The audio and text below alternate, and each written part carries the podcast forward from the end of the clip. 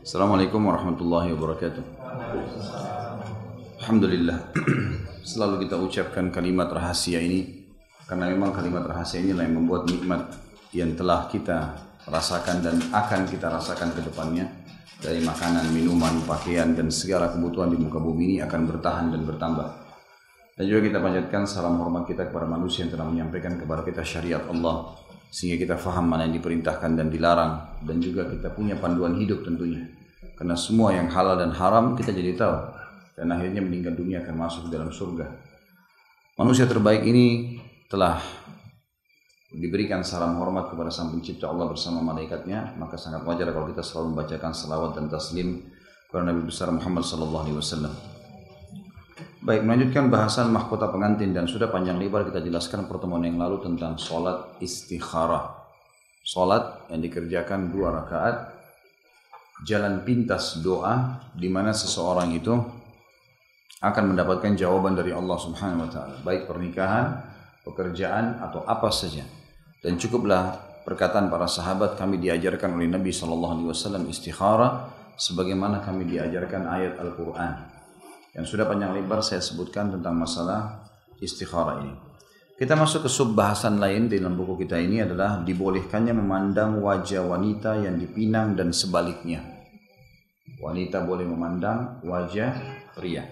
Dan saya itu hari pernah sempatkan eh, jelaskan teman-teman sekalian konsep ta'aruf Islami adalah melihat sesuatu yang menarik. Poin pertama dari tiga poin konsep ta'aruf Islami adalah melihat wajah dan telapak tangan calon pasangan kita. Wajah memberikan simbol antara kepala atau dari kepala sampai ke perut dan telapak tangan memberikan simbol dari kemaluan sampai ke kaki. Dalam arti kata secara global tentunya. Maka laki-laki boleh melihat ke arah wajah wanita dan itu cukup menjadi simbol buat dia untuk seluruh uh, tubuh setengah tubuhnya dan telapak tangan adalah setengah yang tersisa. Begitu pula dengan laki perempuan melakukan pada laki-laki. Saya akan bacakan di sini. Dibolehkan memandang wajah wanita yang dipinang dan sebaliknya. Maksudnya laki-laki perempuan juga melihat, wanita juga melihat wajah pria. Jika laki-laki datang untuk meminangnya, maka boleh memandang wajah dan kedua telapak tangannya. Diriwayatkan dari Al-Mughirah bin Syu'bah radhiyallahu anhu ia meminang wanita, lalu Rasulullah SAW bertanya padanya, An anadharta ilaiha? Qultu la. Qala fandur ilaiha fa innahu ajdaru an yu'dama bainakuma. Apakah engkau sudah memandangnya? Lihat wajahnya pada saat kamu meminang. Maka aku menjawab kata Mughirah anhu belum. Tidak. Beliau SAW menjawab, pandanglah ia. Karena itu akan lebih dapat melanggengkan di antara kalian berdua nanti. Kita suruh lihat, tapi itu relatif ya. Artinya di wajah ini kedua mata, alis, hidung, bibir, pipi, kulit, semua ini boleh. Sebagian ulama memasukkan bolehnya melihat sebagian rambut. Sebagian rambut yang dijatuhkan dari belakang atau bagian depan jilbab wanita. Sehingga ketahuan kalau rambut itu lurus atau enggak gitu kan. Seperti itulah. Kecuali kalau memang si laki-laki ini punya mediasi yang lain. Seperti ibunya, saudarinya, yang dia suruh datang lihat ke rumah untuk mengetahui rambutnya lurus atau tidak gitu. Nah biasa ada laki-laki memang yang butuh itu. Dia tahu kalau dia suka dengan perempuan rambut lurus atau rambut keriting atau apalah. Yang jelas itu juga termasuk hal yang bagian dari wajah. Ya, bagian, sebagian ulama ya, tidak semua. Tapi umumnya wajah sudah cukup menjadi simbol. Juga dari Jabir radhiyallahu anhu, Rasulullah SAW bersabda di dalam hadis yang lain, dan tadi hadis yang pertama itu sahih diriwayatkan Tirmidzi dan Nasa'i. Sementara hadis yang sekarang adalah menceritakan tentang kejadian di zaman Nabi SAW dan hadis ini sahih riwayat Abu Daud dan Ahmad juga. Kata Nabi SAW, "Idza khataba ahadukum imra'at, idza khataba ahadukum idza khataba ahadukum al-mar'ata fa in an yanzura ila ma yad'uhu ila nikahiha falyaf'al." Qala fa khatabtu jariyatan fa kuntu laha hatta ra'aitu minha ma da'ani ila nikahiha watazawwujuha fatazawwajtuha. Jika salah seorang di antara kalian ingin meminang seorang wanita, maka jika ia bisa, maka untuk jika dia bisa melihat, punya kesempatan untuk itu, atau termudahkan, apa yang mendorongnya untuk menikahinya, maka lakukanlah. Maksudnya adalah wajah dan telapak tangan tadi. Sebab memang di sini yang dimaksud kembali kepada hadis sebelumnya. Lalu Jabir berkata radhiyallahu anhu, aku pun meminang gadis lalu aku mencuri pandang. Dalam arti kata di sini dilihat footnote nomor 54 kalau yang pegang bukunya. Ini terjadi pada zaman di mana kesucian diri, rasa malu dan hijab dijunjung tinggi. Adapun pada hari ini peminang bisa melihat wanita yang akan dipinangnya sebelum pergi ke rumah keluarganya. Ia melihat dada, leher, betis, lengan, leher, eh, apalagi rambut, wajah, telapak tangan, paha, bentuk pinggulnya, bentuk kemaluan dan duburnya. Artinya sudah sampai pada pelanggaran agama yang luar biasa saya rasa mungkin tidak ada yang terlewatkan olehnya sedikit pun pada zaman di mana wanita kaum muslimin telah melepaskan hijab iffa. Iffa itu kemuliaan, kesucian dan Islam sehingga tidak bisa dibedakan lagi antara gadis muslimah dengan gadis yang tidak memeluk Islam di jalanan karena semuanya memakai pakaian yang sama. Dalam arti kata, waktu itu Jabir menceritakan, jadi karena hijab syar'i, semua bercadar, di zaman Nabi SAW kalau pakai cadar pun maka mata mereka ditutup gitu kan. Maka mereka tertutup semuanya gitu. Sehingga sulit untuk melihat. Maka Jabir mengatakan, aku pun pada saat ingin meminang seorang gadis, aku sempat mencuri pandang. Artinya di suatu kesempatan perempuan itu lagi buka cadarnya, maka si Jabir lewat dan dia melihatnya. Sehingga aku melihat darinya apa yang mendorongku untuk menikahinya. Lalu aku akhirnya menikahinya. Hadis ini memberikan penggambaran kepada kita kalau bolehnya nazar namanya, melihat ya, melihat. Tentu sekarang muslimah di Indonesia umumnya pakai jilbab kayak akhwat kita sekarang dan ini tidak salah. Memperlihatkan wajah dan telapak tangan itu umumnya sudah bisa si laki-laki itu punya gambaran. Tidak perlu melakukan seperti Jabir misalnya kecuali wanita itu bercadar dan sulit sekali untuk dia uh, mendapatkan uh, wanita itu atau untuk ketemu dan juga tidak bisa untuk menembus keluarganya. Kalau dia bisa nazar, karena untuk meminang, meminang itu dianjurkan sebelum meminang memang melihat nazar namanya. Gitu kan? Nanti setelah itu baru meminang. Minang ini khidbah ya, baru mulai bicara negosiasi masalah waktu, masalah apa syarat-syaratnya dan seterusnya. Tapi ini sebelum meminang tentu orang harus nazar. Dan ini ulama mengatakan dibedakan antara nazar melihat kalau sekarang kan ada mediasi ya banyak ada media-media seperti uh, apa namanya foto gitu kan uh, kemudian mungkin kalau interaksi di, tem di tempat umum kelihatan wajahnya ketahuan oh ini orangnya sudah sudah tahu punya gambaran maka itu waktu tidak tidak butuh lagi dia tinggal tinggal mencari tahu tentang informasi akhlak dan sifatnya keluarga secara umum lalu meminangnya Nama Minang ini memang sudah bicara mau meminta dan seterusnya. Tapi bukan waktu itu nazar nazar itu sudah sebelumnya ya. Karena ulama mengatakan madaratnya akan besar kalau dia di waktu meminang baru dia nazar.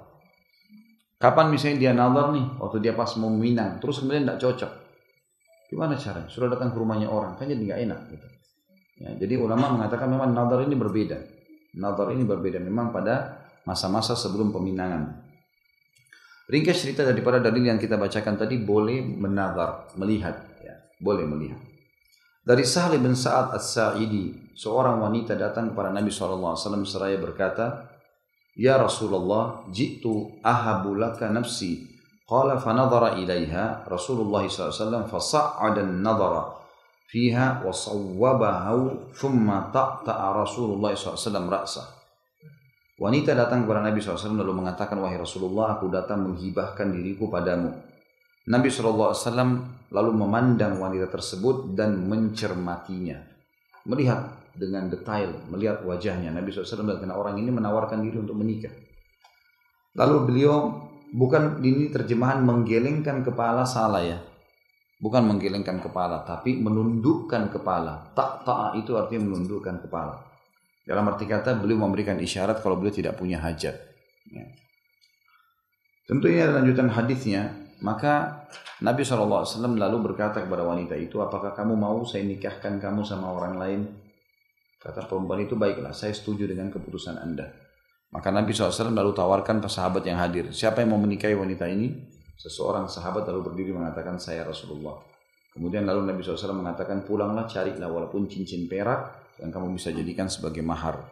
Lalu kemudian dia pulang ke rumahnya karena orang ini sangat miskin, tidak punya apa-apa. Dia kembali mengatakan, ya Rasulullah tidak ada di rumah saya yang ada hanyalah yang saya biasa pakai sehari-hari, panci yang dipakai masak, sendok, apa segala, cuma kebutuhan gelas yang itu saja. Kata Nabi SAW, apa kau punya ayat-ayat Al-Quran yang kau hafal? Dia bilang iya. Kata Nabi SAW, jadikan sebagai maharmu. Maka di sini ulama juga mengeluarkan dari hadis ini, tentu hadis ini ada punto nomor 56 riwayat Imam Bukhari Muslim ya. Hadis ini memberikan pelajaran kepada kita kalau mahar yang paling sedikit adalah Al-Quran. Boleh. Surah tertentu. Kan, dan syaratnya kalau dia sudah jadikan mahar berarti dia harus bisa mengajarkan itu pada istrinya. Dia mengajarkan itu pada istrinya. Kemudian hadis Abu Hurairah juga mengatakan kuntu indan Nabi sallallahu alaihi wasallam. Maaf, hadis tadi ini juga memberikan gambaran bolehnya seorang wanita menghibahkan dirinya ya. Sudah pernah kita jelaskan ini. Ada laki-laki baik, memang soleh dia bisa mengatakan saya menawarkan diri kepada Anda. Itu bukan aib. Gitu kan. Dan laki-laki juga harus dengan santun merespon itu sebagaimana Nabi SAW merespon dan menyampaikan dengan baik tidak menunda waktu. Kalau saya belum bisa atau saya tidak cocok atau saya masih berpikir dan seterusnya. Ini semua harus bisa dibahasakan. Ya. Dan setiap akhwat harus tahu kalau ada laki-laki yang sudah nazar melihat dan kemudian datang mau meminang, sudah berbicara, sudah mulai nanya-nanya dan keluarga kita sudah menyambut, berarti tidak boleh menerima lamaran laki-laki lain. Tidak boleh khidbah. Kecuali memang sudah diberikan keputusan pada laki-laki itu, maaf kami kayaknya belum bisa, kami belum cocok. Gitu. Seperti itulah dibahasakan. Dan itu tidak aib ya. Menolak pun dalam Islam tidak aib, menawarkan juga tidak aib. Tapi dengan bahasa-bahasa yang santun. Itu diambil pelajaran dari poin tadi. Sama laki-laki juga boleh. Laki-laki sudah tentu pasti lebih terbuka ya. Dia boleh mengatakan kepada setiap wanita yang dia suka, misalnya dia mengatakan saya niat mau menikahi kamu. Pertimbangkanlah gitu kan. Maka boleh saja. Mereka mereka pertimbangkan masalah itu. Lalu masing-masing bisa menentukan keputusan setelah itu. Kemudian hadis selanjutnya Abu Hurairah anhu meriwayatkan ia mengatakan kuntu indan Nabi sallallahu alaihi wasallam fa'atahu rajulun fa akhbarahu annahu tazawwaja imra'atan min al-ansar fa qala lahu Rasulullah sallallahu alaihi wasallam anadarta ilaiha qala la qala fadhhab fanzur ilaiha fa inna fi a'yunil ansari syai'a Telah datang pada saat sahabat ini perawi hadisnya tentunya ya Abu Hurairah anu mengatakan, aku pernah satu hari berada di sisi Nabi Shallallahu Alaihi Wasallam. Lalu seorang laki-laki datang kepada beliau dengan memberitahukan bahwa ia telah menikah dengan seorang wanita dari Ansar. Maka Nabi SAW mengatakan kepadanya, apakah engkau telah melihat perempuan itu? Ia mengatakan tidak, kata beliau, pergilah, lalu lihatlah, karena di mata kaum Ansar ada sesuatu. Mayoritas ulama, baik salaf maupun khalaf berpendapat tentang bolehnya laki-laki memandang wanita yang hendak dipinang, namun terjadi perbedaan di antara mereka tentang apa yang bisa dilihat dari tubuh wanita. Sampai sini kita tahan dulu.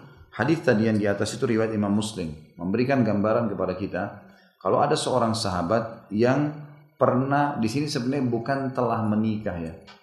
Tapi yang dimaksud adalah telah meminang, lebih tepat terjemahannya. Telah meminang tapi waktu dia minang, belum jadi istrinya, masih baru dipinang, ternyata dia belum pernah menawar, belum pernah melihat perempuan ini. Cuma langsung main pinang saja gitu. Maka Nabi SAW melarangnya dan mengatakan pergilah dan lihatlah. Karena di mata ansar maksudnya di mata suku perempuan itu. Perempuan ini ada nazar, ada sesuatu yang bisa kau lihat gitu. Maka kau harus pergi lihat. Mungkin kau tidak cocok, mungkin kulitnya, mungkin matanya, mungkin hidungnya, mungkin bibirnya. Bahasa rinciannya begitu. Maka kamu harus lihat dulu. Sebelum kamu menikahinya. Jadi terjemahan di sini dikatakan seseorang laki-laki telah menikah, hapus telah menikahnya itu. Menjadi telah meminang. Ya. Karena kalau sudah dinikahi, berarti sudah bergaul. Gitu kan. Otomatis itu. Otomatisnya.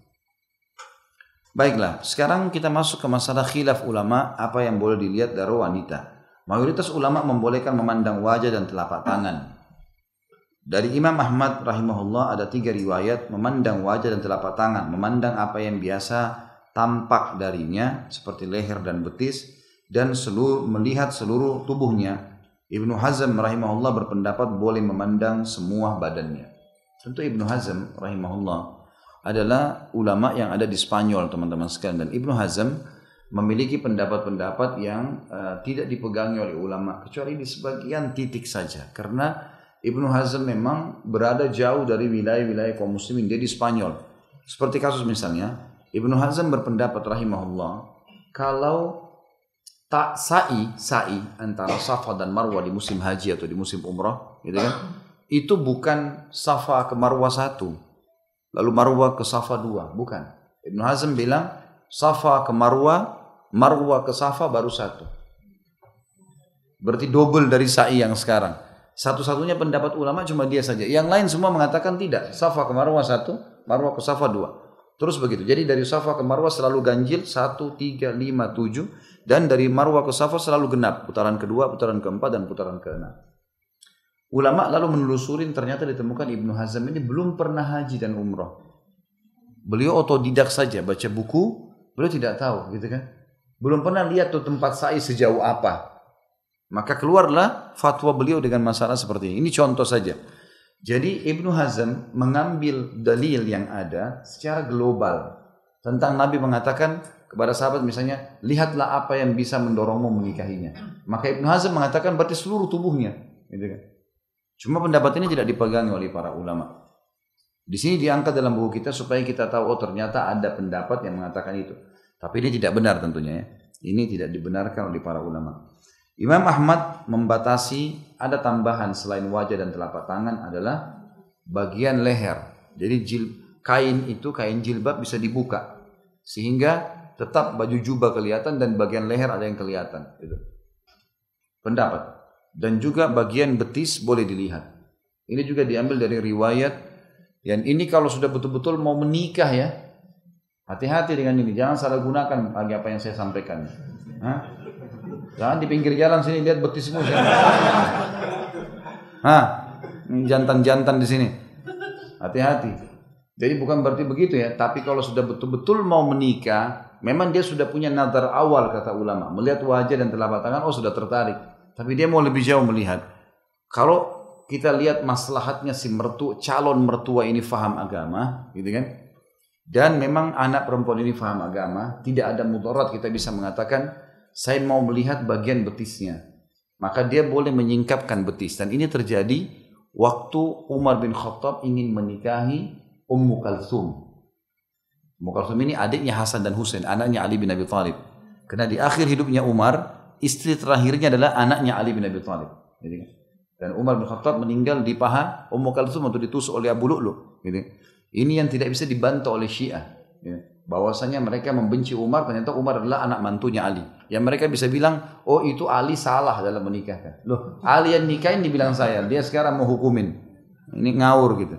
Tapi yang jelas, Umar bin Khattab sempat mengatakan kepada Ummul Kalthum, singkapkan betismu. Gitu kan? Lalu Ummul Kalthum mengatakan, wahai Amir Mukminin, kalau bukan karena anda, kalau laki-laki lain, saya sudah butain matanya. Karena aib bagi mereka gitu kan, tidak umum hukum ini. Maka Ummul Kalthum pun akhirnya menyingkapkan bagian betisnya dan dilihat oleh oleh Umar bin Khattab. Jadi ulama melihat di sini mengatakan adalah maslahat dan mudaratnya. Tentu umumnya dalil adalah wajah dan telapak tangan sudah cukup wajah dan telapak tangan sudah cukup. Dikatakan oleh penulis jika telah terjadi kesepakatan di antara keluarga, maka hendaklah ia melaksanakan sholat istikharah sekali lagi jika suka. Jadi kalau sudah nazar, sudah merasa tentram, kemudian sudah mulai meminang, boleh istikharah lagi, malah itu lebih bagus gitu. Istikharah lagi jika ia suka dan membiarkan wanita itu untuk beristikharah pada Rabbnya berkenaan dengan laki-laki yang datang untuk meminangnya. Persetujuan gadis dan janda untuk menikah. Gadis diminta izinnya atas laki-laki yang telah datang melamarnya dan izinnya adalah diamnya. Adapun janda maka diminta persetujuannya lewat kata-katanya. Hal ini berdasarkan sabda Nabi SAW. Jadi misal, saya punya anak perempuan. Atau seseorang punya saudari perempuan atau anak perempuan. Lalu dia berkata pada anaknya masih gadis. Si fulan melamar kamu. Bagaimana? Kalau anak perempuan itu diam, gadis berarti sudah jelas dia terima. Cuma dia bimbang karena belum tahu laki-laki, dia bimbang. Maka diamnya tanda persetujuan. Si ayahnya sudah boleh mengatakan pada laki-laki saya terima lamaran kamu. Kalau janda nggak boleh, harus dengar dari mulutnya. Ini laki-laki lamar kamu, kamu suka nggak? Dia diam jangan diterima. Sampai si janda mengatakan iya saya suka, nggak boleh. Hukum syar'inya begitu berlandaskan hadis Nabi Shallallahu Alaihi Wasallam di dalam hadis lihat footnote nomor 59 hadis riwayat Imam Muslim. Ma, hadis sebelumnya ya, hadis riwayat Imam Bukhari Muslim. Footnote nomor 58. Kata Nabi SAW, La tungkahul ayya al-ayyimah, La tungkahul ayyimu hatta tusta'mara, wa la tungkahul bikru hatta tusta'zana. Qalu ya Rasulullah, wa kaifa idnuha? Qala antaskuta. Janda tidak boleh dinikahkan hingga diminta persetujuannya. Harus lisannya bilang, iya saya mau. Gitu kan? Dan gadis tidak boleh dinikahkan hingga diminta izinnya. Nih, ada yang lamar. Mau nggak? Sudah. Dia nggak jawab, diam, berarti sudah setuju. Mereka bertanya para sahabat Rasulullah, bagaimana bagaimana kita faham izinnya gadis tuh? Beliau menjawab diamnya. Dalam hadis riwayat Muslim disebutkan, al bikru tusta'dzanu fi nafsiha wa id wa idnuha sumutuha atau sumu, sumu, uh, sumutuha qala na'am. Gadis diminta izinnya berkenaan dengan dirinya dan izinnya adalah diamnya. Beliau pun mengatakan iya. Maksudnya Nabi SAW mengatakan iya waktu sahabat bertanya masalah itu. Diriwayatkan juga darinya dalam sahihain, maksudnya dari sahabat yang sama ya. Perawi yang sama bahwa Khansa binti Hizam dinikahkan oleh ayahnya dalam keadaan terpaksa. Padahal ia seorang janda. Maka ia datang kepada Nabi SAW lalu beliau menolak pernikahannya. Maksudnya dibatalkan oleh Nabi.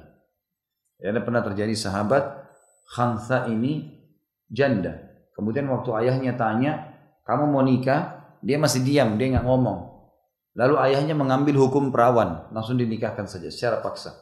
Maka si janda ini, si Hansa mengeluh pada Nabi SAW, lalu Nabi batalkan pernikahannya. Dianggap batal, nggak boleh. Harus si janda menyaut, ya saya mau. Gitu. Disebutkan dalam As-Sunan dari hadis Ibnu Abbas bahwa seorang wanita gadis datang kepada Nabi SAW lalu mengutarakan pada beliau bahwa ayahnya telah menikahkannya padahal ia tidak suka maka Nabi SAW memberikan hak pilih kepadanya hadis ini Hasan riwayat Abu Daud dan Ibnu Majah misal ada kasus seorang anak gadis ayahnya langsung nikahkan tanpa nanya tanpa diizinkan ini ada yang lamar kamu nih dia langsung tiba-tiba nikahkan lalu tiba-tiba dibawa si laki-laki ini ini suami kamu sekarang misal Anak gadis yang seperti ini dalam hukum syar'i boleh menuntut. Apalagi kalau memang si suami sekarang yang datang tidak jelas, dia tidak tahu, dia tidak suka. Bahasa dalam hadis ini tidak suka, gitu kan? Maka dia boleh dikasih hak khiar namanya. Khiar itu milih, lanjutin rumah tangga atau dianggap batal pernikahannya. Itu yang terjadi di zaman Nabi Shallallahu Alaihi Wasallam.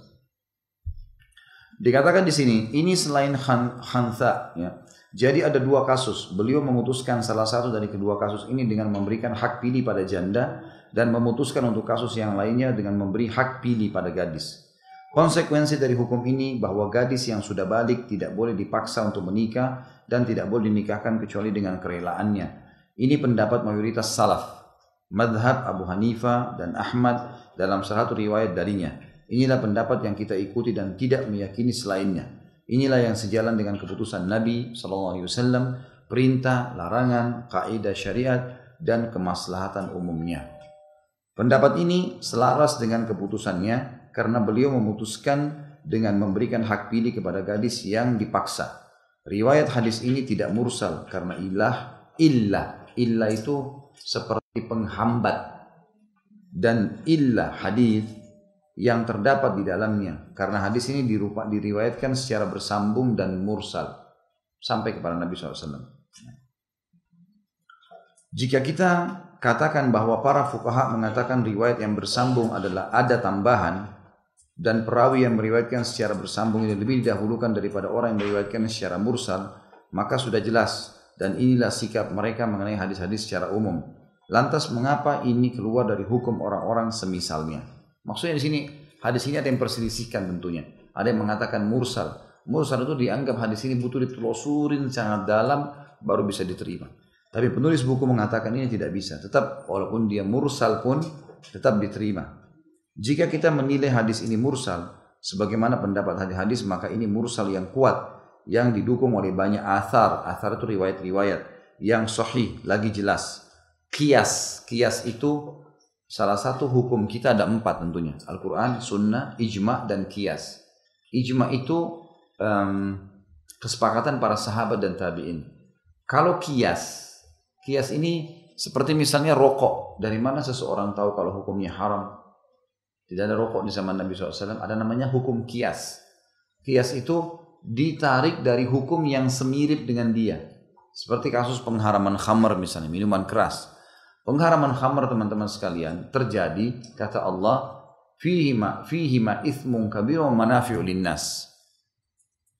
Khamar itu ada ithimnya, ada dosanya, ada mudarat buruknya dan ada manfaatnya buat orang. Tapi kata Allah wa ithmuhuma akbar min naf'ihima. Tapi manfaatnya eh mudaratnya lebih besar daripada manfaatnya. Keluar sebuah kaidah fikih segala minuman dan makanan yang dikonsumsi oleh manusia muslim kalau bahayanya lebih besar daripada manfaatnya hukumnya haram. Semua apa saja. Masuk dalamnya di sini ulama masukkan rokok.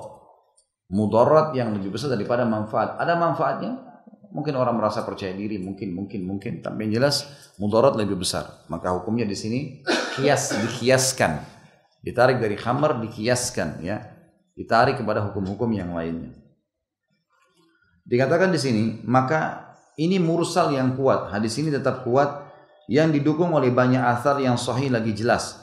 Kias dan kaidah-kaidah syariat sebagaimana akan kami sebutkan. Jadi pendapat yang menyatakan hal itulah yang dipilih. Pendapat ini selaras dengan perintah ya, perintahnya. Karena Nabi SAW telah bersabda, maksudnya perintah Nabi, wal bikru tusta'dan dan anak-anak gadis harus diminta izin. Tentu kesimpulan dari lembaran tadi di halaman 47 itu adalah tetap berlaku perempuan gadis diminta izini kalau janda diminta pendapat. Ya. Jawaban gadis diam, jawaban janda adalah keluar. Nah, apa kata-kata yang dia mengatakan setuju atau tidak. Ini adalah perintah yang ditekankan karena dikemukakan dalam bentuk kalimat berita yang menunjukkan ketetapan dan keharusan apa yang diberitakan itu. Pada asalnya, segala perintah Nabi SAW itu mengindikasikan kepada kewajiban selama tidak ada ijma yang menyelisihinya. Pada dasarnya, kalau ada hadis yang terbunyi, tersebutkan, berarti hukumnya itu sudah harus dijalankan. Kayak misal tadi, anak gadis diizini dan di, dan bukti dia nerima adalah diamnya janda itu di uh, dimusyawarai dan dia harus mengeluarkan pendapatnya. Ini kan hadis sudah ada. Berarti ini sebenarnya sudah harus menjadi wajib, gitu kan? Wajib hukumnya. Selama memang tidak ada ijma yang mengubah itu. Misalnya ada ulama lain menyatakan dalil-dalil yang lain dan disepakati dengan dalil yang lebih kuat baru bisa diganti uh, hadis tadi itu dengan hadis yang lainnya tentunya. Pendapat ini juga sejalan dengan larangannya karena Nabi SAW berkata wala tungkahul bikru hatta tusta'zanu dan anak gadis tidak boleh dinikahkan hingga diminta izinnya. Ya. Jadi Nabi SAW memerintahkan dan melarang serta memutuskan dengan memberikan hak pilih. Ini adalah penetapan hukum dengan metode-metode yang paling mendalam. Maksudnya kayak tadi kasus ya anak gadis yang sudah dinikahkan secara paksa oleh ayahnya tanpa diminta izini maka Nabi SAW memberikan hak khiar, boleh milih. Tetap kau jalan sekarang dengan rumah tanggamu atau yang itu, ya apa namanya, dia uh, cerai, dia diputuskan untuk batal pernikahannya.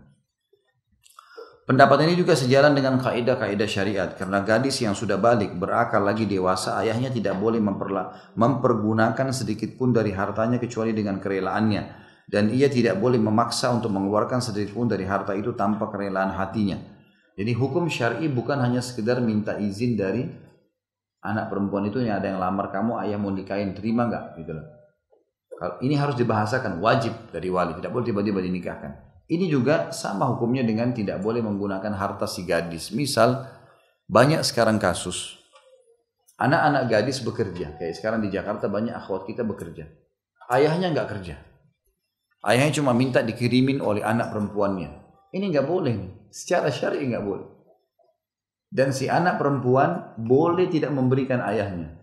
Di sini hukumnya. Khusus anak perempuan.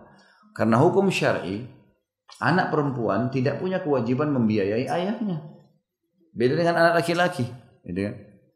Maka di harta dia pun, kalau harta dia pribadi tidak boleh. Tentu saja kalau dia berikan kepada ayahnya, berarti dia dapat dapat dapat uh, apa namanya pahala bir walidain ya bakti sama orang tua. Tapi tidak boleh si ayah mengambil harta anak perempuan dari hasil keringatnya. atau pemberian suaminya. Beda anak laki-laki, anak laki-laki beda hukumnya. Makanya ada hadis Bukhari menjelaskan pernah ada sahabat laki-laki yang ayahnya datang ke rumahnya lalu tiba-tiba mengambil kebutuhan, ngambil duit dari istrinya dia.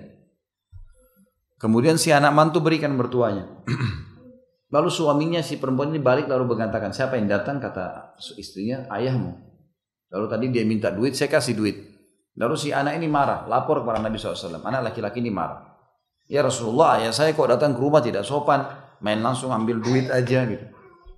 Maka kata Nabi SAW, kamu dan hartamu milik ayahmu.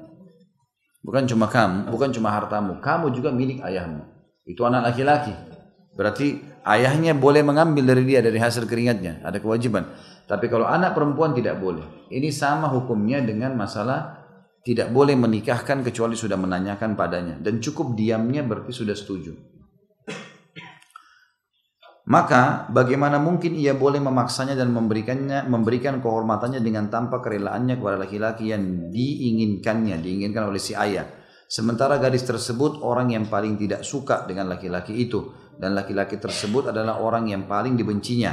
Kendati demikian ayahnya menikahkannya secara paksa tanpa kerelaannya karena laki-laki diinginkan ayahnya dan menjadikannya sebagai tawanan di sisinya. Sebagaimana sabda Nabi SAW dalam hadis Sahih riwayat Tirmidzi, ala wastausu bin nisa'i khaira fa innama hunna awanun indakum. Ingatlah berbuat baiklah kalian kepada kaum wanita, istri, ibu, saudari, anak, perempuan. Ini semua adalah tawanan di tangan kalian. Karena e, berbuat baiklah sama mereka karena mereka tawanan di tangan kalian. Awan yang berarti tawanan tadi Sebagaimana diketahui bahwa mengeluarkan seluruh harta dengan tanpa kerelaannya adalah lebih ringan baginya daripada dinikahkan dengan laki-laki yang bukan pilihannya dengan tanpa keridhaan. Menurut penulis, kalau seandainya ada anak perempuan yang dipaksa menikah dengan laki-laki lain tanpa diminta izini oleh walinya, maka ini lebih lebih berat daripada seluruh harta hasil keringatnya diambil. Walaupun itu juga dosa. Jadi makanya penekanannya tidak boleh sama sekali gadis dinikahin tanpa ditanya. Jika gadis itu memilih laki-laki sekufu, sekufu maksudnya sepadan yang dicintai dan ayahnya juga telah memilih laki-laki yang sekufu, maka yang menjadi pertimbangan adalah pilihan ayahnya. Walaupun laki-laki itu tidak disukainya lagi buruk rupanya. Tapi kalau misal ada si perempuan suka sama seorang laki-laki. Lalu si ayahnya juga punya calon. Tapi ini dua-dua calon ini kufu, sekufu. Dalam arti kata beragama, punya kecukupan, layak jadi suami, gitu lah. Pilihan ayah sama pilihan si anak gadis. Yang mana didahulukan? Pilihan ayahnya. Kalau sekufu, dia harus mendahulukan pilihan ayahnya. Dengan cara tentu dia tidak bukan langsung spontanitas menikah, tapi dia istikharah dan dia dahulukan pilihan ayahnya. Kalau si calon suami sekufu ya, artinya memang yang calon si anak gadis sama calon ayahnya dua-duanya bagus. Dua-duanya sekufu, dua-duanya sepadan, beragama, cukup masalah ekonominya dan seterusnya. Maka ini berarti pilihan ayah didahulukan. Karena di sini ada unsur kebaktian kepada ayah dan juga ada kasus kufunya, sepadannya. Pendapat ini selaras dengan kemaslahatan umat karena tidak diragukan bahwa kemaslahatan anak wanita terletak pada dinikahkannya dengan laki-laki yang dipilihkan dan diridhoinya. Tujuan pernikahan terrealisir untuknya dengan laki-laki yang dipilih dan diridhoinya. Sementara kebaikannya terrealisir dengan laki-laki yang tidak disukainya. Ya. Maksudnya tidak di sini ya. Sementara ke kebalikannya terrealisir dengan laki-laki yang tidak disukainya. Tidak bisa terrealisir. Jadi anak gadis kalau dia dipilihkan seorang anak laki-laki tentu dia diboleh solo istikharah. Tapi kalau dia juga tidak mau nggak boleh dipaksa. Tapi kalau dia sudah mau ternyata dia cuma mau pilih ya si A atau si B, pilihan dia pilihan ayah didahulukan pilihan ayahnya.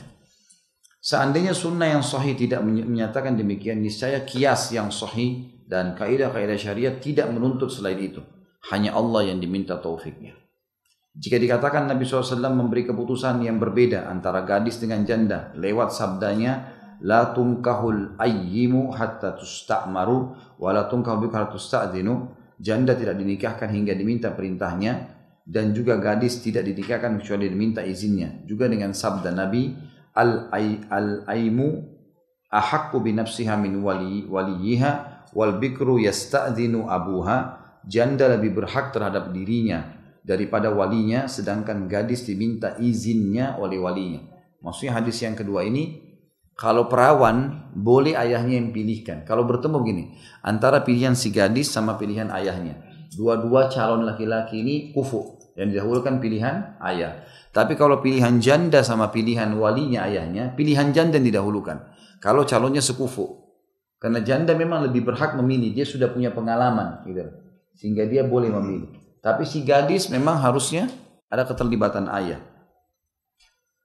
Rasulullah SAW kata beliau menjadikan janda lebih berhak terhadap dirinya daripada walinya. Maka diketahui bahwa wali gadis lebih berhak terhadapnya daripada dirinya sendiri.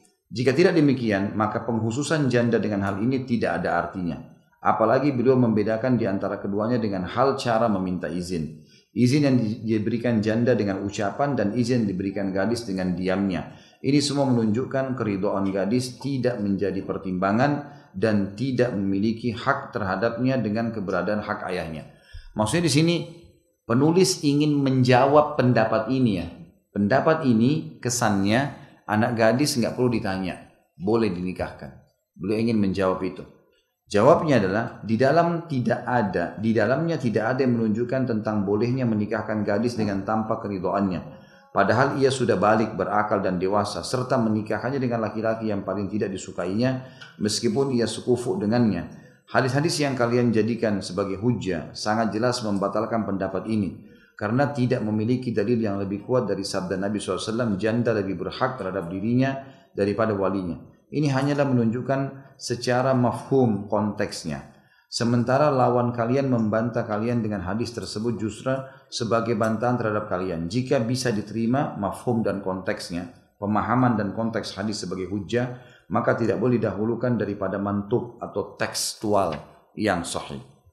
Tentu ini perdebatan di antara ulama tentang masalah apakah gadis boleh dinikahkan paksa atau tidak. Ini semua yang kita sedang pelajari masalah itu. Kata penulis, ini juga hanya menjadi dalil jika Anda menjadikan mafhumnya, pemahaman hadis memiliki keumuman, artinya memang harusnya dijalankan seperti umumnya hadis.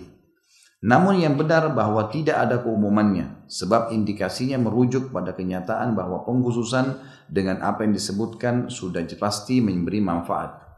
Pendapat yang dibantah oleh penulis adalah mengatakan gadis gak usah diajak bicara deh. Itu simpulnya. Gak usah diajak bicara, langsung aja nikahkan. Dan kalau dinikahkan, dia suka tidak suka sah. Ini pendapat. Maka penulis membantah itu, mengatakan tidak bisa. Tetap di dalam hadis ini yang dijadikan sebagai dalil kalau anak gadis kata-kata diminta izinnya adalah cuma sekedar disampaikan besok saya akan nikahkan kamu, lusa saya akan nikahkan kamu. Ini nggak cukup kata penulis. Harus memang dikatakan ada si fulan yang melamar. Mau atau tidak? Kalau si gadis mengatakan saya nggak mau, ya sudah, nggak boleh dipaksa. Tapi kalau dia diam, berarti sudah boleh diterima lamarannya. Ini tadi tadi penjelasan ditulis ini uh, semua berpusat di situ. Kata beliau yaitu menafikan hukum dan selainnya, sebagaimana diketahui pembagian selainnya menjadi hukum yang tetap dan hukum yang tidak tetap terdapat manfaat dan bahwa menetapkan hukum lain yang didiamkan memiliki manfaat juga jika tidak bertentangan dengan hukum mantuk, mantuk itu yang tertulis, yang tersebutkan, dan perinciannya terdapat manfaat. Namun bagaimana bisa, sedangkan ini adalah mafhum yang menyisi kias, yang jelas bahwa kias yang utama seperti telah disebutkan, serta menyelisih nas yang disebutkan. Paragraf ini saya jelaskan. Kesimpulan dari apa yang dibahasakan ini, karena memang terjemahannya diambil secara letterlet, bukan diambil dalam pemahamannya Pendapat pertama mengatakan dalil-dalil tentang perempuan gadis boleh dinikahkan tanpa izinnya artinya cuma sekedar disampaikan dia setuju nggak setuju boleh dinikahkan walinya adalah hadis tadi yang disebutkan yang footnote nomor 64 hadis Bukhari Muslim. Bahwasanya janda itu diminta perintahnya pendapatnya dan gadis itu diminta izinnya. Kata pendapat yang mengatakan perempuan gadis boleh dinikahkan oleh walinya yang penting sudah disampaikan pakai hadis ini gitu. Kan di sini Nabi bilang anak gadis cuma diminta izini ya udah. Yang penting sudah disampaikan. Saya ayah mau nikahin kamu besok ya. Dia harus terima nggak boleh nggak? Gitu loh. Begitu pendapat pertama. Ber, berdalil dari hadis ini. Dari tadi panjang lebar di halaman 450 tadi, paragraf pertama di halaman 50 tadi yang saya bacain masalah ada mantuk, ada mafhum, ya, ada sesuatu yang tertul yang terucapkan, ada sesuatu yang difahami dari hadis. Penulis mengatakan yang difahamin dari kalimat minta izin yang kalian ucapkan tadi itu seakan-akan cuma sekedar dibahasakan dia mau tidak mau harus terima. Ini bertolak belakang walaupun itu mantuknya, tertulisnya begitu. Tapi mafhumnya beda, bukan begitu yang difahami. Yang difahami adalah memang diminta izini karena ada hadis lain yang menyebutkan diamnya adalah setujunya. Berarti memang harus diminta izini. Tentu teman-teman karena ini beda buku jadi saya bacain semuanya ya. Cuma untuk menjelaskan paragraf pertama di halaman 50 itu yang dimaksud tadi. Renungilah, renungkanlah sabda Nabi SAW kata penulis dan gadis diminta izin oleh ayahnya. Setelah sabda beliau janda lebih berhak terhadap dirinya daripada walinya. Sekarang penulis di paragraf kedua ini membantah dalil kedua pendapat pertama tadi. Kan di halaman 49 ada dua buah hadis ya. Benar nggak? Ada dua buah hadis ya. Tadi hadis pertama yang berbunyi janda tidak dinikahkan hingga diminta perintahnya dan gadis tidak dinikahkan hingga diminta izinnya. Kata pendapat pertama, minta izin gadis adalah langsung to the point, ayah akan nikahkan kau besok. Mau nggak mau harus kau terima. Dibantah oleh penulis, nggak bisa. Mantuknya tulisan yang seperti itu dalam hadis bukan itu mafhumnya, bukan itu yang difahami. Yang difahami adalah izin benar-benar karena ada hadis lain yang berbunyi kalau setujunya gadis dengan diam Berarti kan ditunggu jawabannya, gitu kan? Hadis yang kedua yang diangkat oleh pendapat pertama ini al-aimu janda lebih berhak terhadap dirinya daripada walinya sedangkan gadis diminta izin oleh walinya. Ini dikatakan oleh beliau renungilah hadis ini baik-baik untuk pendapat pertama. Gadis diminta izin oleh ayahnya. Setelah sabda beliau janda lebih berhak terhadap dirinya daripada walinya. Untuk memutuskan kerancuhan pendapat tersebut dan bahwa gadis dinikahkan dengan tanpa ridhonya dan tanpa izinnya sehingga ini tidak memiliki hak sama sekali terhadap dirinya. Kedua kalimat tersebut disambung satu sama yang lain sebagai penolakan terhadap kerancuhan tersebut. Sebagaimana diketahui bukan suatu keharusan bila janda lebih berhak terhadap dirinya daripada walinya, lantas gadis tidak memiliki hak terhadap dirinya sendiri. Kata beliau, hadis yang kedua yang kalian pakai sebagai dalil kalau anak gadis boleh dinikahkan tanpa izin adalah hadis ini sebenarnya secara lafadznya itu menunjukkan lawan dari apa yang kalian ucapkan. Mestinya sabda Nabi tadi yang dikatakan dan gadis diminta izin oleh ayahnya difahami baik-baik. Berarti memang diminta izin di sini harus mendengarkan responnya. Kalau dia nyaut enggak saya enggak mau jangan dipaksa nikahkan dan cuma boleh dinikahkan kalau dia bilang iya saya mau atau dia diam. Ini kurang lebih kesimpulan dari paragraf kedua. Para ulama berselisih pendapat mengenai sandaran pemaksaan dalam enam pendapat.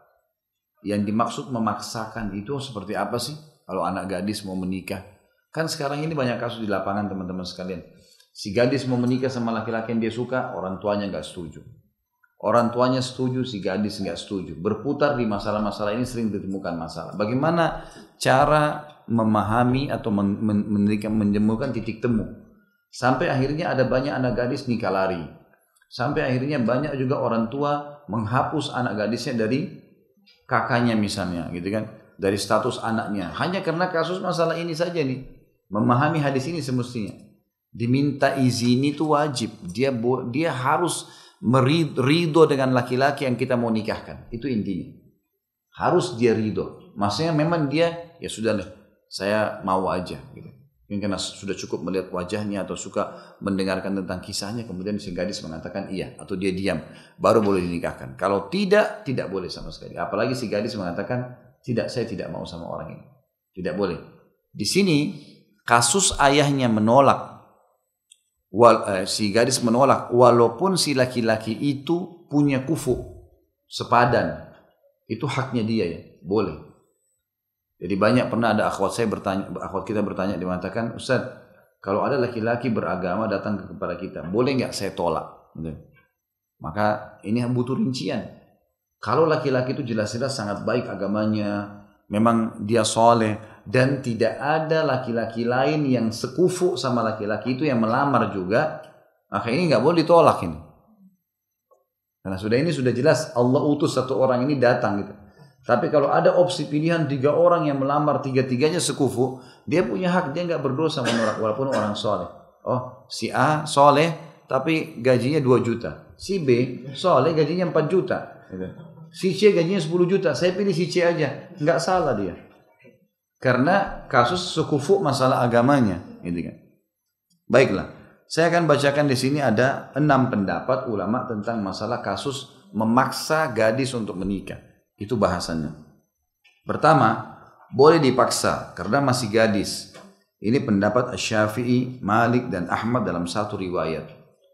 Jangan buru-buru menghakimi ya, ini masih pendapat-pendapat. Nanti kita akan simpulkan sebentar. Menurut Imam Syafi'i, Imam Malik, Imam Ahmad, dalam satu riwayat maksudnya mereka masih punya pendapat lain. Dalam salah satu pendapat ketiga imam ini, perempuan anak gadis boleh dipaksa. Yang kedua, boleh dipaksa karena masih anak-anak. Ini pendapat Abu Hanifah dan Ahmad dalam riwayat yang kedua. Kalau yang pertama tadi, boleh dipaksa karena masih gadis. Beda gadis sama anak-anak. Maksudnya, gadis ini dari mulai balik sampai dia umur 40 tahun. Masih dikatakan kalau belum disentuh laki-laki gadis. Biasa orang bilang gadis tua misalnya. Sudah 50 tahun. Loh, iya ini contoh, ini hukum syar'i soalnya. Maka pendapat pertama mengatakan kalau gadis boleh dipaksa. Ya, menurut pendapat pertama. Kalau yang kedua mengatakan gadis itu nggak boleh dipaksa. Yang boleh dipaksa hanya kalau anak-anak. Maksudnya anak-anak di sini adalah sudah balik tapi masih punya sifat kekanak-kanakan. Dia tidak tahu gitu. Selalu kau tanya mau nikah, nggak tahu. Mau nikah? Nggak tahu. Apa itu nikah? Nggak ngerti. Ada anak-anak, ada e, perempuan umur 20 tahun nggak ngerti sama sekali. Kekanak-kanakan masih main kayak anak-anak. Dia lebih suka main sama anak-anak yang jauh lebih kecil daripada dia gitu. Kekanak-kanakan. Maka ini dalam pendapat kedua, perempuan seperti ini boleh dipaksa nikah. Itu yang dimaksud dalam kalimat ini. Yang ketiga, ini ini khusus masalah boleh nggak maksa anak gadis nikah, itu loh. Ini pendapatnya di sini. Yang ketiga, boleh dipaksa karena keduanya karena keduanya sekaligus. Ini riwayat ketiga dari Imam Ahmad. Maksudnya gadis dan yang kekanak-kanakan tadi. Yang keempat, boleh dipaksa karena yang mana saja di antara keduanya yang ada. Ini riwayat keempat dari Ahmad. Maksudnya salah satu dari ini anak kekanak-kanakan atau gadis yang menunda-nunda pernikahan. Dalam pendapat Imam Ahmad yang keempat, boleh dipaksa nikah. Daripada dia tunda-tunda terus nih. Nggak boleh, nggak jelas dia nolak laki-laki nggak jelas. Ada perempuan begitu, mungkin kena pengaruh sihir, mungkin kena pengaruh pergaulan. Dia nggak mau, setiap laki-laki datang tolak, tolak, tolak, tolak, selalu. Ada banyak gitu, ada saya tahu, bahkan salah seorang yang sampai punya hubungan kerabat dengan saya subhanallah, itu sampai sekarang umurnya mungkin sudah hampir, mungkin hampir 60 ya, 50 lebih, itu nggak nikah-nikah.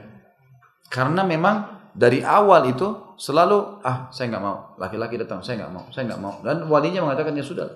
Kebanyakan menolak ini membuka pintu paksa dari wali nanti.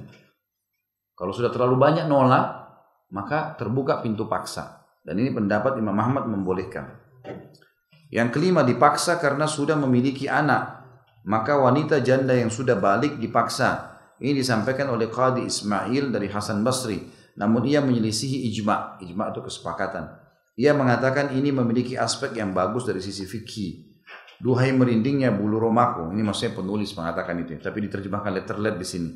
Betapa ini pandangan yang hitam, hitam dan kelam. Maksudnya penulis satu tulis ini dalam bahasa Arab dia membahasakan dia mengatakan kok bisa ada pendapat kelima ini gitu.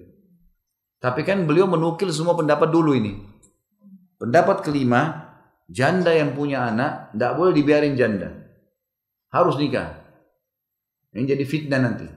Dia butuh suami, begitulah. Tapi menurut penulis ini pendapat yang fatal sekali. Nggak ada urusannya. Kalau hadis itu bertolak belakang ya. Karena hadis Nabi Shallallahu Alaihi Wasallam malah ya menyuruh janda itu kalau anak-anaknya masih kecil untuk tidak menikah, gitu kan? Ada hadis itu. Kalau dia takut anak-anaknya terbengkalai, ada fadilahnya. Tapi boleh dia menikah, bukan tidak boleh. Keenam, boleh dipaksa wanita yang masih dalam tanggungan. Tidak tersamar bagi anda pendapat yang kuat dari pendapat-pendapat itu. Maksudnya adalah pendapat yang keenam mengatakan kalau ada anak gadis ataupun janda yang dibiayai oleh ayahnya, ayahnya yang biayai hidupnya, maka ayahnya boleh memaksanya menikah. Karena di bawah naungan ayahnya. Gitu. Ini pendapat-pendapat yang ada tentunya. Dan penulis di sini mengatakan bahwasanya dari semua pendapat ini semestinya sudah jelas ya pendapat-pendapat ini seperti bentrok dengan keadaan yang semestinya ada. Mestinya perempuan tidak boleh dipaksa. Allahu alam itu yang dimaksudnya. Baik, kita masuk tinggal lembaran-lembaran ini ya. Sekitar satu setengah lembar lagi Eh, kita akan jelaskan baru kemudian kita buka pertanyaan. Tapi jangan tambah dulu ya. Ini yang lalu ini masya Allah. Tambah lagi. Sudah pulang nikah kan enak. Rewel betul. Nanya ini, nanya itu. Baiklah. Rasulullah SAW, ah, nanti itu, itu orang Makassar bilang nanti baku atur. Yang penting beragama dulu. Rasulullah SAW menetapkan bahwa izin yang diberikan gadis adalah dengan diamnya dan izin yang diberikan janda adalah dengan berbicara. Kembali kepada pendapat yang beliau pegangi si penulis dan ini umumnya jumhur ulama pegangi ya. Jika gadis memberikan izin dengan berbicara maka ini lebih tegas lagi. Menurut Ibnu Hazm tidak sah dinikahkan kecuali dengan diamnya. Ini wajar dengan zahiriyah. Zahiriyah teman-teman garis bawah ya Zahiriyah itu nama madhab. Ada madhab namanya madhab Zahiriyah. Ini kembali kepada seorang uh, yang ditokohkan di zaman dulu namanya memang Daud Az-Zahiri. Daud Az-Zahiri, madhab Zahiri. Madhab Zahiri ini tidak dipegangi oleh ulama ahli sunnah juga. Kenapa? Karena dia selalu mengambil zahirnya ayat dan zahirnya hadis. Misal, dalam madhab Zahiriyah ini kalau pencuri yang Allah bilang potong pencuri laki-laki dan pencuri pencuri perempuan potonglah tangan mereka, gitu kan? Dalam mazhab Daud al-Zahiri ini potong tangan. Tangan ini mana? Ini tangan, ini tangan, ini juga tangan, gitu kan? Ya enggak? Sekarang orang bisa mengatakan semua. Kalau dia saya ayunkan begini. Orang bilang apa? Saya ayunkan tangan atau lengan? Tangan, tetap tangan gitu kan? Tapi ulama ahli sunnah mengatakan umumnya orang itu kalau dikatakan berikan tanganmu, maka dia memberikan ini. Gak mungkin sikunya. Gitu kan? Maka ini berarti tangan. Berarti tangan itu dipotong di sini. Gitu kan? Ini semua empat madhab imam mengatakan itu. Daud Zahir datang mengatakan tidak. Tangan itu di sini. Potong ini. Gitu. Jadi di sini saya kena terlanjur penulis tulis jadi saya jelaskan apa itu zahiriyah. Nah kalau antum baca sendiri nggak ngerti nih. Ini madhab, sebuah madhab yang tidak bisa dijadikan sebagai rujukan. Tapi beliau mengatakan zahiriyah mengatakan wajar kalau wanita dari hadis ini harus ya diam baru dinikahkan. Menurut zahiriyah. Kalau dia tidak diam, dia ngomong pun tetap nggak bisa diterima. Harus diam. Lafadznya begitulah. Seperti itulah. Jadi saklek dalam sebuah lafadz itu. Rasulullah SAW menetapkan bahwa wanita yatim diminta izin dengan berbicara berkenaan dirinya. Padahal tidak ada sebutan yatim yang uh, setelah balik. Ini sudah tahu hukumnya ya. Jadi anak yatim hanya sampai balik. Jangan nenek-nenek ngaku yatim. Enggak ada. Kasihan saya yatim. Dari mana? Sampai balik. Setelah balik sudah enggak ada. Jadi kalau mau nyumbang anak yatim harus yang sebelum balik. Maka itu menunjukkan bolehnya menikahi wanita yatim sebelum balik. Ini pendapat, ini adalah pendapat Aisyah radhiyallahu anha dan ini ditunjukkan oleh Al-Quran dan Sunnah dan ini juga pendapat Imam Ahmad, Abu Hanifah dan selainnya. Khusus poin ini, bolehkah wanita di bawah umur sebelum balik dinikahi? Nikah ya, saya nikahi sebab walinya. Hukum menikah dulu, akad nikah. Bolehkah menikahi wanita sebelum balik? Nah, berselisihlah pendapat ulama di sini. Kalau antum aja berselisih, apalagi ulama-ulama besar gitu. Boleh nikah ya, tapi ada syarat tidak menggaulinya sampai dia layak untuk digauli. Diambil dari pernikahan Nabi SAW dengan Aisyah. Nabi SAW menikahi tapi tidak digauli sampai Aisyah berumur layak untuk digauli. Kan? Jadi hukum syar'i ini di ini disebutkan masalah itu. Dikatakan Allah SWT berfirman dalam surah An-Nisa 127. أعوذ بالله من الشيطان الرجيم ويستفتونك في النساء قل الله يفتيكم فيهن وما يتلى عليكم في الكتاب في يتامى النساء اللاتي لا تؤتونهن ما كتب لهن لا تؤتونهن ما كتب لهن وترغبون أن تنكحوهن والمستضعفين من الولدان وأن تقوموا وأن تقوموا لليتامى الآية. Dan mereka minta fatwa kepadamu hai Muhammad tentang para wanita. Katakanlah Allah memberikan fatwa kepada kalian tentang mereka. Kepadamu tentang mereka. Dan apa yang dibacakan kepadamu dalam Al-Quran juga memfatwakan tentang para wanita yatim yang kamu tidak memberikan kepada mereka apa yang telah ditetapkan untuk mereka. Sedangkan kamu ingin mengawini mereka dan tentang anak-anak yang masih dipandang lemah. Dan Allah menyuruh kamu agar eh, mengurus anak-anak yatim itu. Aisyah radhiyallahu mengatakan tentang ayat ini, ini adalah anak yatim yang berada dalam pemeliharaan walinya. Lalu ia ingin menikahinya tanpa berlaku adil padanya berkenaan dengan maharnya. Maka para wali dilarang menikahi mereka kecuali bila berlaku adil berkenaan dengan mahar mereka.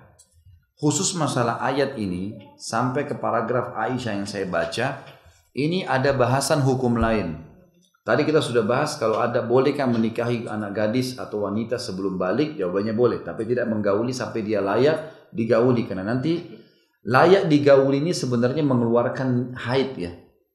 Itu layak digauli. Kenapa? Karena dia dengan itu sudah ada masa subur, gitu kan? Sudah bisa hamil. Kita bicara hukum syar'i, kita tidak bicara masalah hukum yang lain.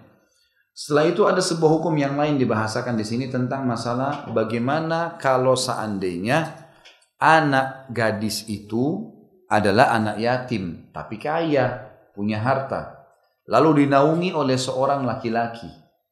Misal, ini contoh kasus. Ada seorang kaya raya suami istri meninggal. Punya anak perempuan cuma satu. Nggak ada ahli waris lain, cuma anak perempuan ini. Gitu?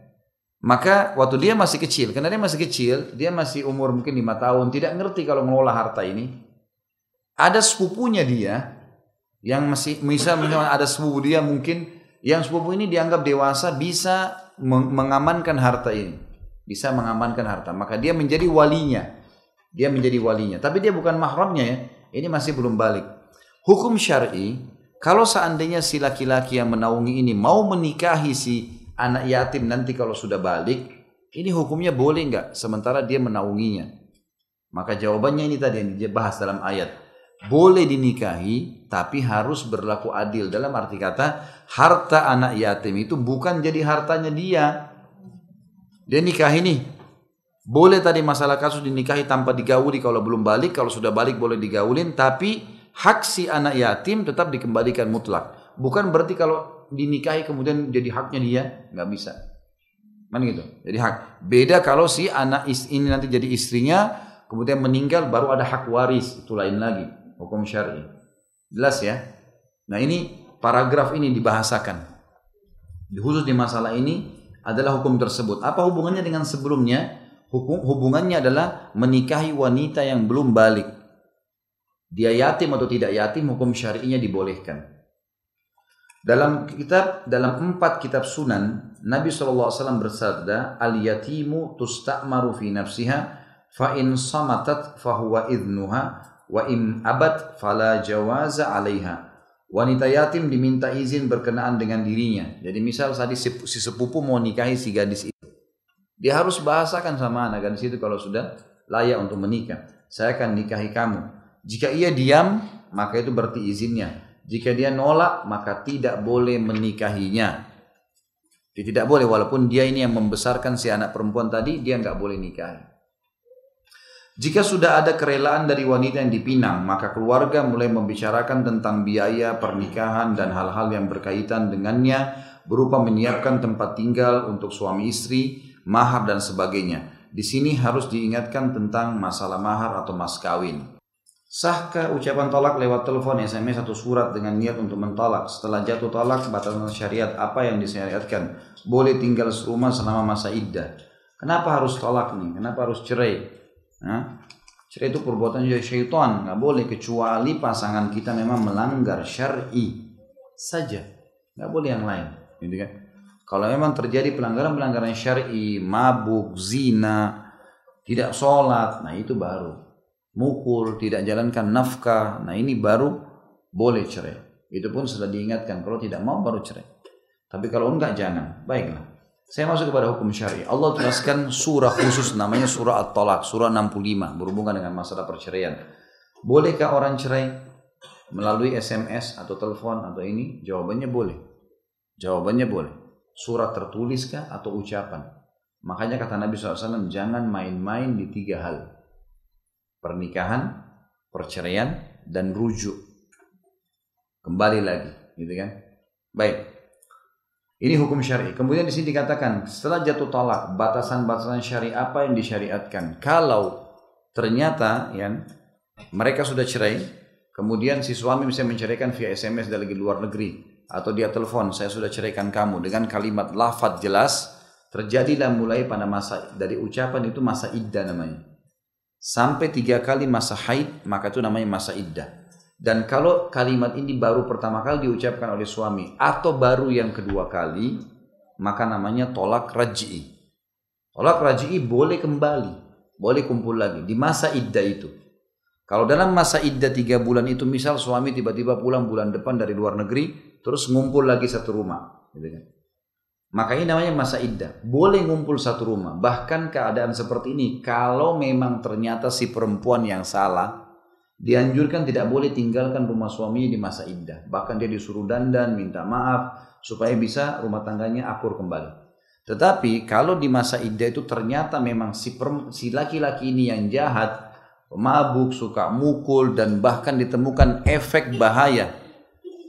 Efek bahaya bagi si perempuan. Artinya kalau satu rumah sama laki-laki ini berbahaya nih. Karena suka pulang pasti mukul, pasti mabuk, pasti begini, pasti begitu. Maka di sini tidak boleh satu rumah. Dan di masa iddah itu digunakan oleh wanita untuk menghabiskan supaya si laki-laki tidak kembali dengan dia. Jadi tidak boleh serumah, gitu kan?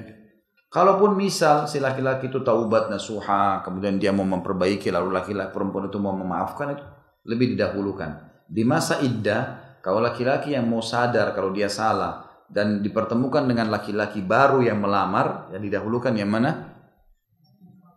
Si suami tadi. Kalau memang dia mau memperbaiki keadaan. Kata Allah, wa bu'ulatuhunna haqqu biraddihinna fi dzalika in aradu islaha. Dan suami-suami mereka lebih pantas untuk mengembani mereka kalau mereka mau memperbaiki keadaan. Allah alam, ini yang saya tahu. Bagaimana jika suami yang rajin sholat ke masjid, mengaji tapi sering membalimi istri dan anak, bakhil, masalah nafkah, tidak pernah bertutur kata baik, apa perlu dipertahankan? Tentu diingatkan, ini nggak boleh ya, ini kewajiban. Harus si suami harus betul kata yang baik gitu. Tapi di sini kita tidak boleh dengar saya dan teman-teman ini tentu yang akan menyampaikan tentang hukum tidak boleh mendengar sepihak. Karena kata Nabi Wasallam dalam hadis ya, kalau datang kepada kalian yang kalian temukan mata kanannya sudah buta, melapor, mengadu, jangan terima, jangan langsung fonis sebelum lihat rivalnya. Karena bisa saja rivalnya sudah buta dua-dua matanya, lebih parah. Pernah saya temukan kasus begitu. Suami salah seorang ukht kita, rupanya waktu saya isi pengajian masa rumah tangga dilempar pertanyaan kertas begini. Saya jawab sesuai dengan letterlet yang tertulis. Suami saya zalim, suami saya begini, tidak kasih nafkah, tidak kasih macam-macam, tidak memenuhi kebutuhan saya. Saya bilang itu laki-laki zalim, nggak boleh. Kewajiban dia memberikan nafkah. Lama kemudian suaminya telepon saya, Ustaz, saya ini suaminya si Fulan, si Fulan yang bertanya sama Ustaz di pengajian. Tapi memang Ustaz mungkin tidak tahu, memang saya nggak lihat orang ibu itu siapa gitu. Jadi perlu saya sampaikan Ustaz, saya ini sudah memberikan semua. Mobil ada saya kasih istri saya. Rumah sudah saya kasih. Kebutuhan rumah semua sudah ada. Cuman memang saya pernah menikah dulu sebelumnya, gitu kan. Dan istri saya yang pertama saya cerai. Lalu memang rumah yang pernah saya beli yang awal lebih besar. Dia nuntut rumah lebih besar daripada mantan istri itu. Sementara kemampuan saya tidak bisa. Ini kejadiannya Ustaz. Nah ini fatalnya kalau kita dengar sepihak gitu kan. Ternyata tidak seperti itu, berbeda gitu.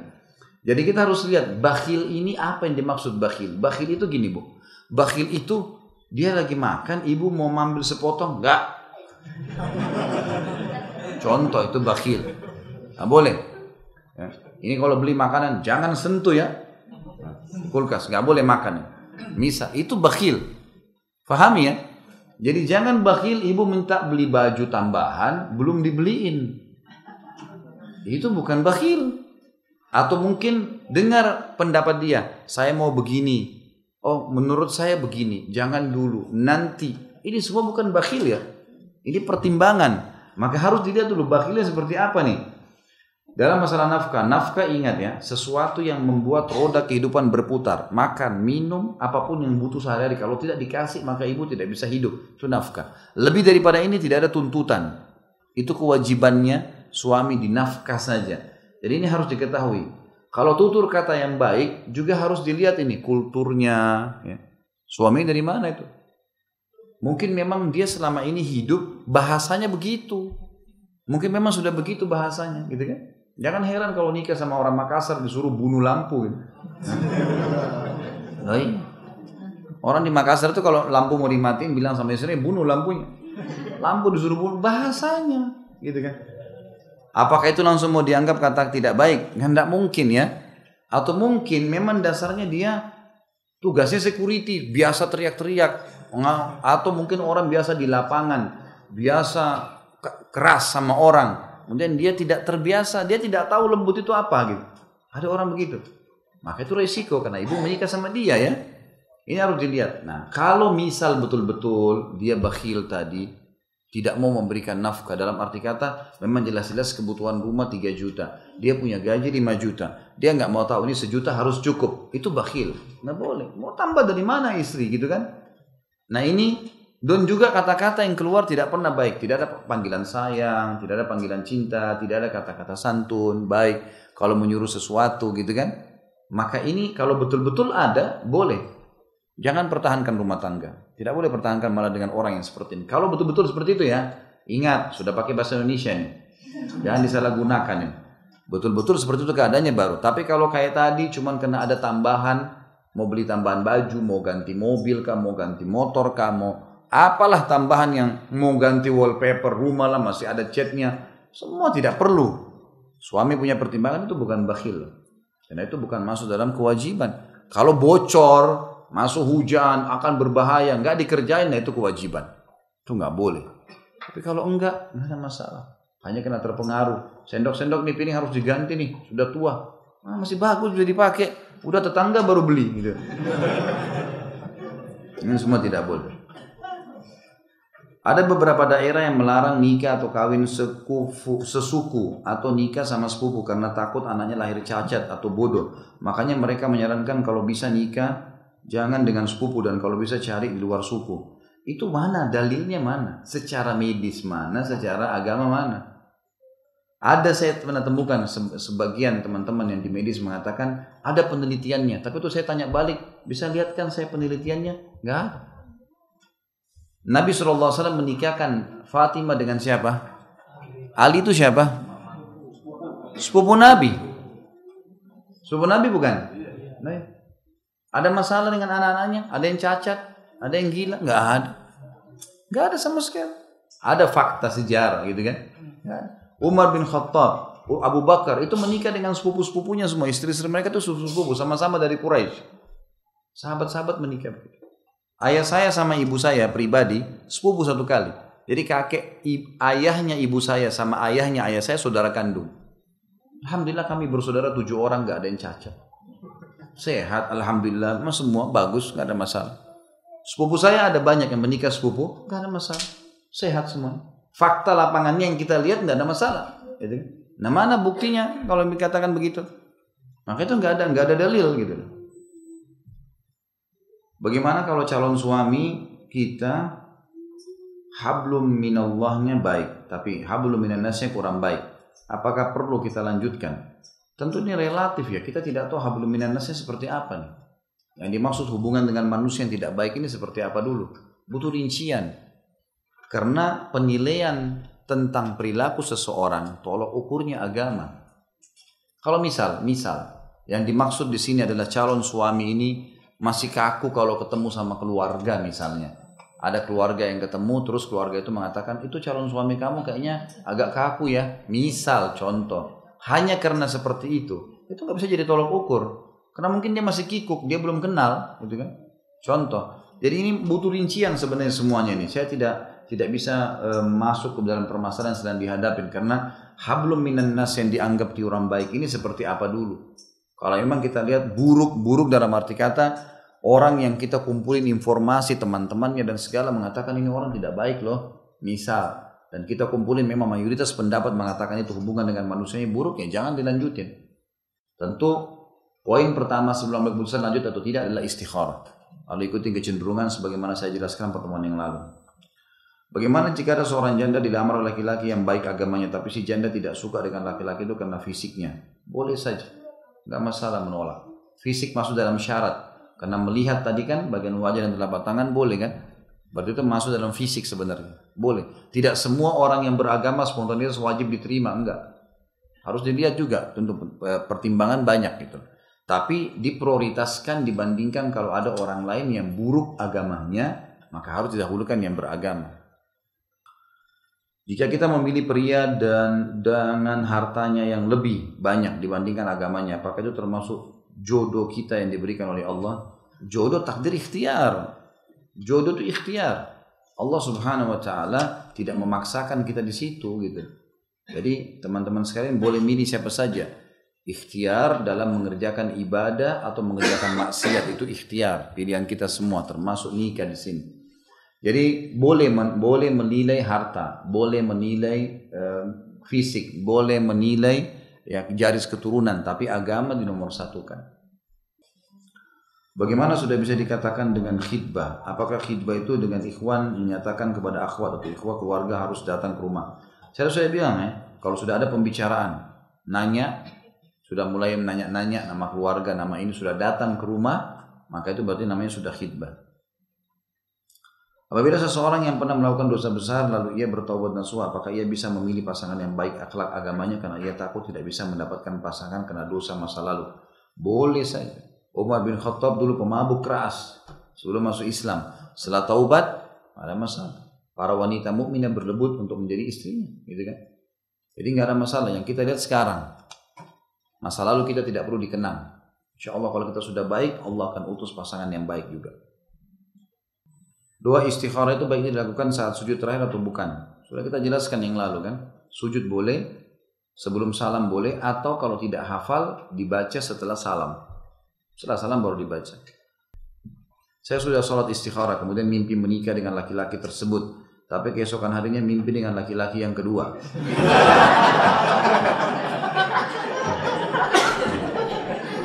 Bagaimana Ustaz? Yang paling baik agamanya laki-laki yang kedua. Hmm. Allah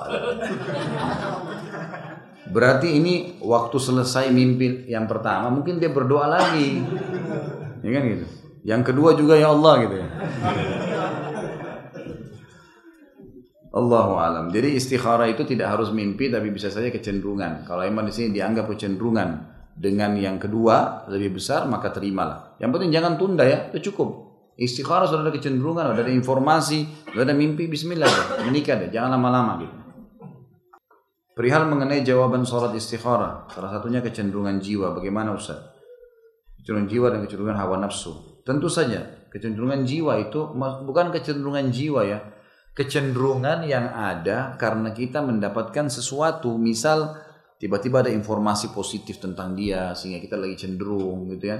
Atau mungkin uh, seperti tadi ada masuk dalam kecenderungan mimpi sebenarnya ya. Masuk dalam kecenderungan tiba-tiba ketemu sama ibunya atau orang tuanya. Lalu kemudian kita mendapatkan informasi-informasi apalah ya tentang dia. Itu semua insya Allah masuk dalam kecenderungan. Manakah yang didahulukan antara menikah dan umroh? Mengingat dari materi belum bisa dikerjakan bersamaan. Nikah dulu. Nikah dulu. Nikah wajib. Ya. Umroh sunnah. Nikah dulu. Insya Allah Allah akan bukain rezeki dan dua-duanya merupakan sumber rezeki ya. Bagaimana saran dan masukan dari Ustadz jika selesai mengikuti kajian berpapasan dengan seorang akhwat yang membuat kita jatuh hati? Mulai sekarang panitia hindari ya. Jalan turunnya pisahin. Padahal selama ini bisa ya. Dan apakah dibolehkan dalam Islam untuk mengajak akhwat itu berbicara untuk menanyakan tentang dirinya? Contoh seperti alamat rumah agar dapat mengenal lebih jauh. Selama tidak ada pelanggaran syar'i boleh. Tidak ada pelanggaran syar'i. Misal meninggalkan sebuah nomor telepon saya eh, tadi terfikir untuk minta dihubungi atau saya akan berbicara bisa dikasih tapi tidak ada pelanggaran syar'i. Enggak ada larangan. Setahu saya enggak ada larangan masalah itu ya. Tapi masih dalam koridor syar'i. Nanti kemudian baru ditanya saya tadi terfikir begini Uh, saya berminat untuk melanjuti misalnya mendatangi rumah dan dan seterusnya ini boleh atau tidak? Misal contoh. Maka itu setahu saya tidak ada masalah. Tapi ini jangan dijadikan sebagai senjata akhirnya syaitan tunggangi. Artinya setiap ditaklim akhirnya belalatan matanya ya, ini nggak boleh. Ya. baiklah kalau gitu. Nanti sampai sini insya Allah. Mudah-mudahan apa yang kita bahas hari ini bermanfaat buat kita semua. Subhanakallahumma bihamdika. Asyhadu an la ilaha illallah astaghfirullah wa atubu ilaik. Wassalamualaikum warahmatullahi wabarakatuh.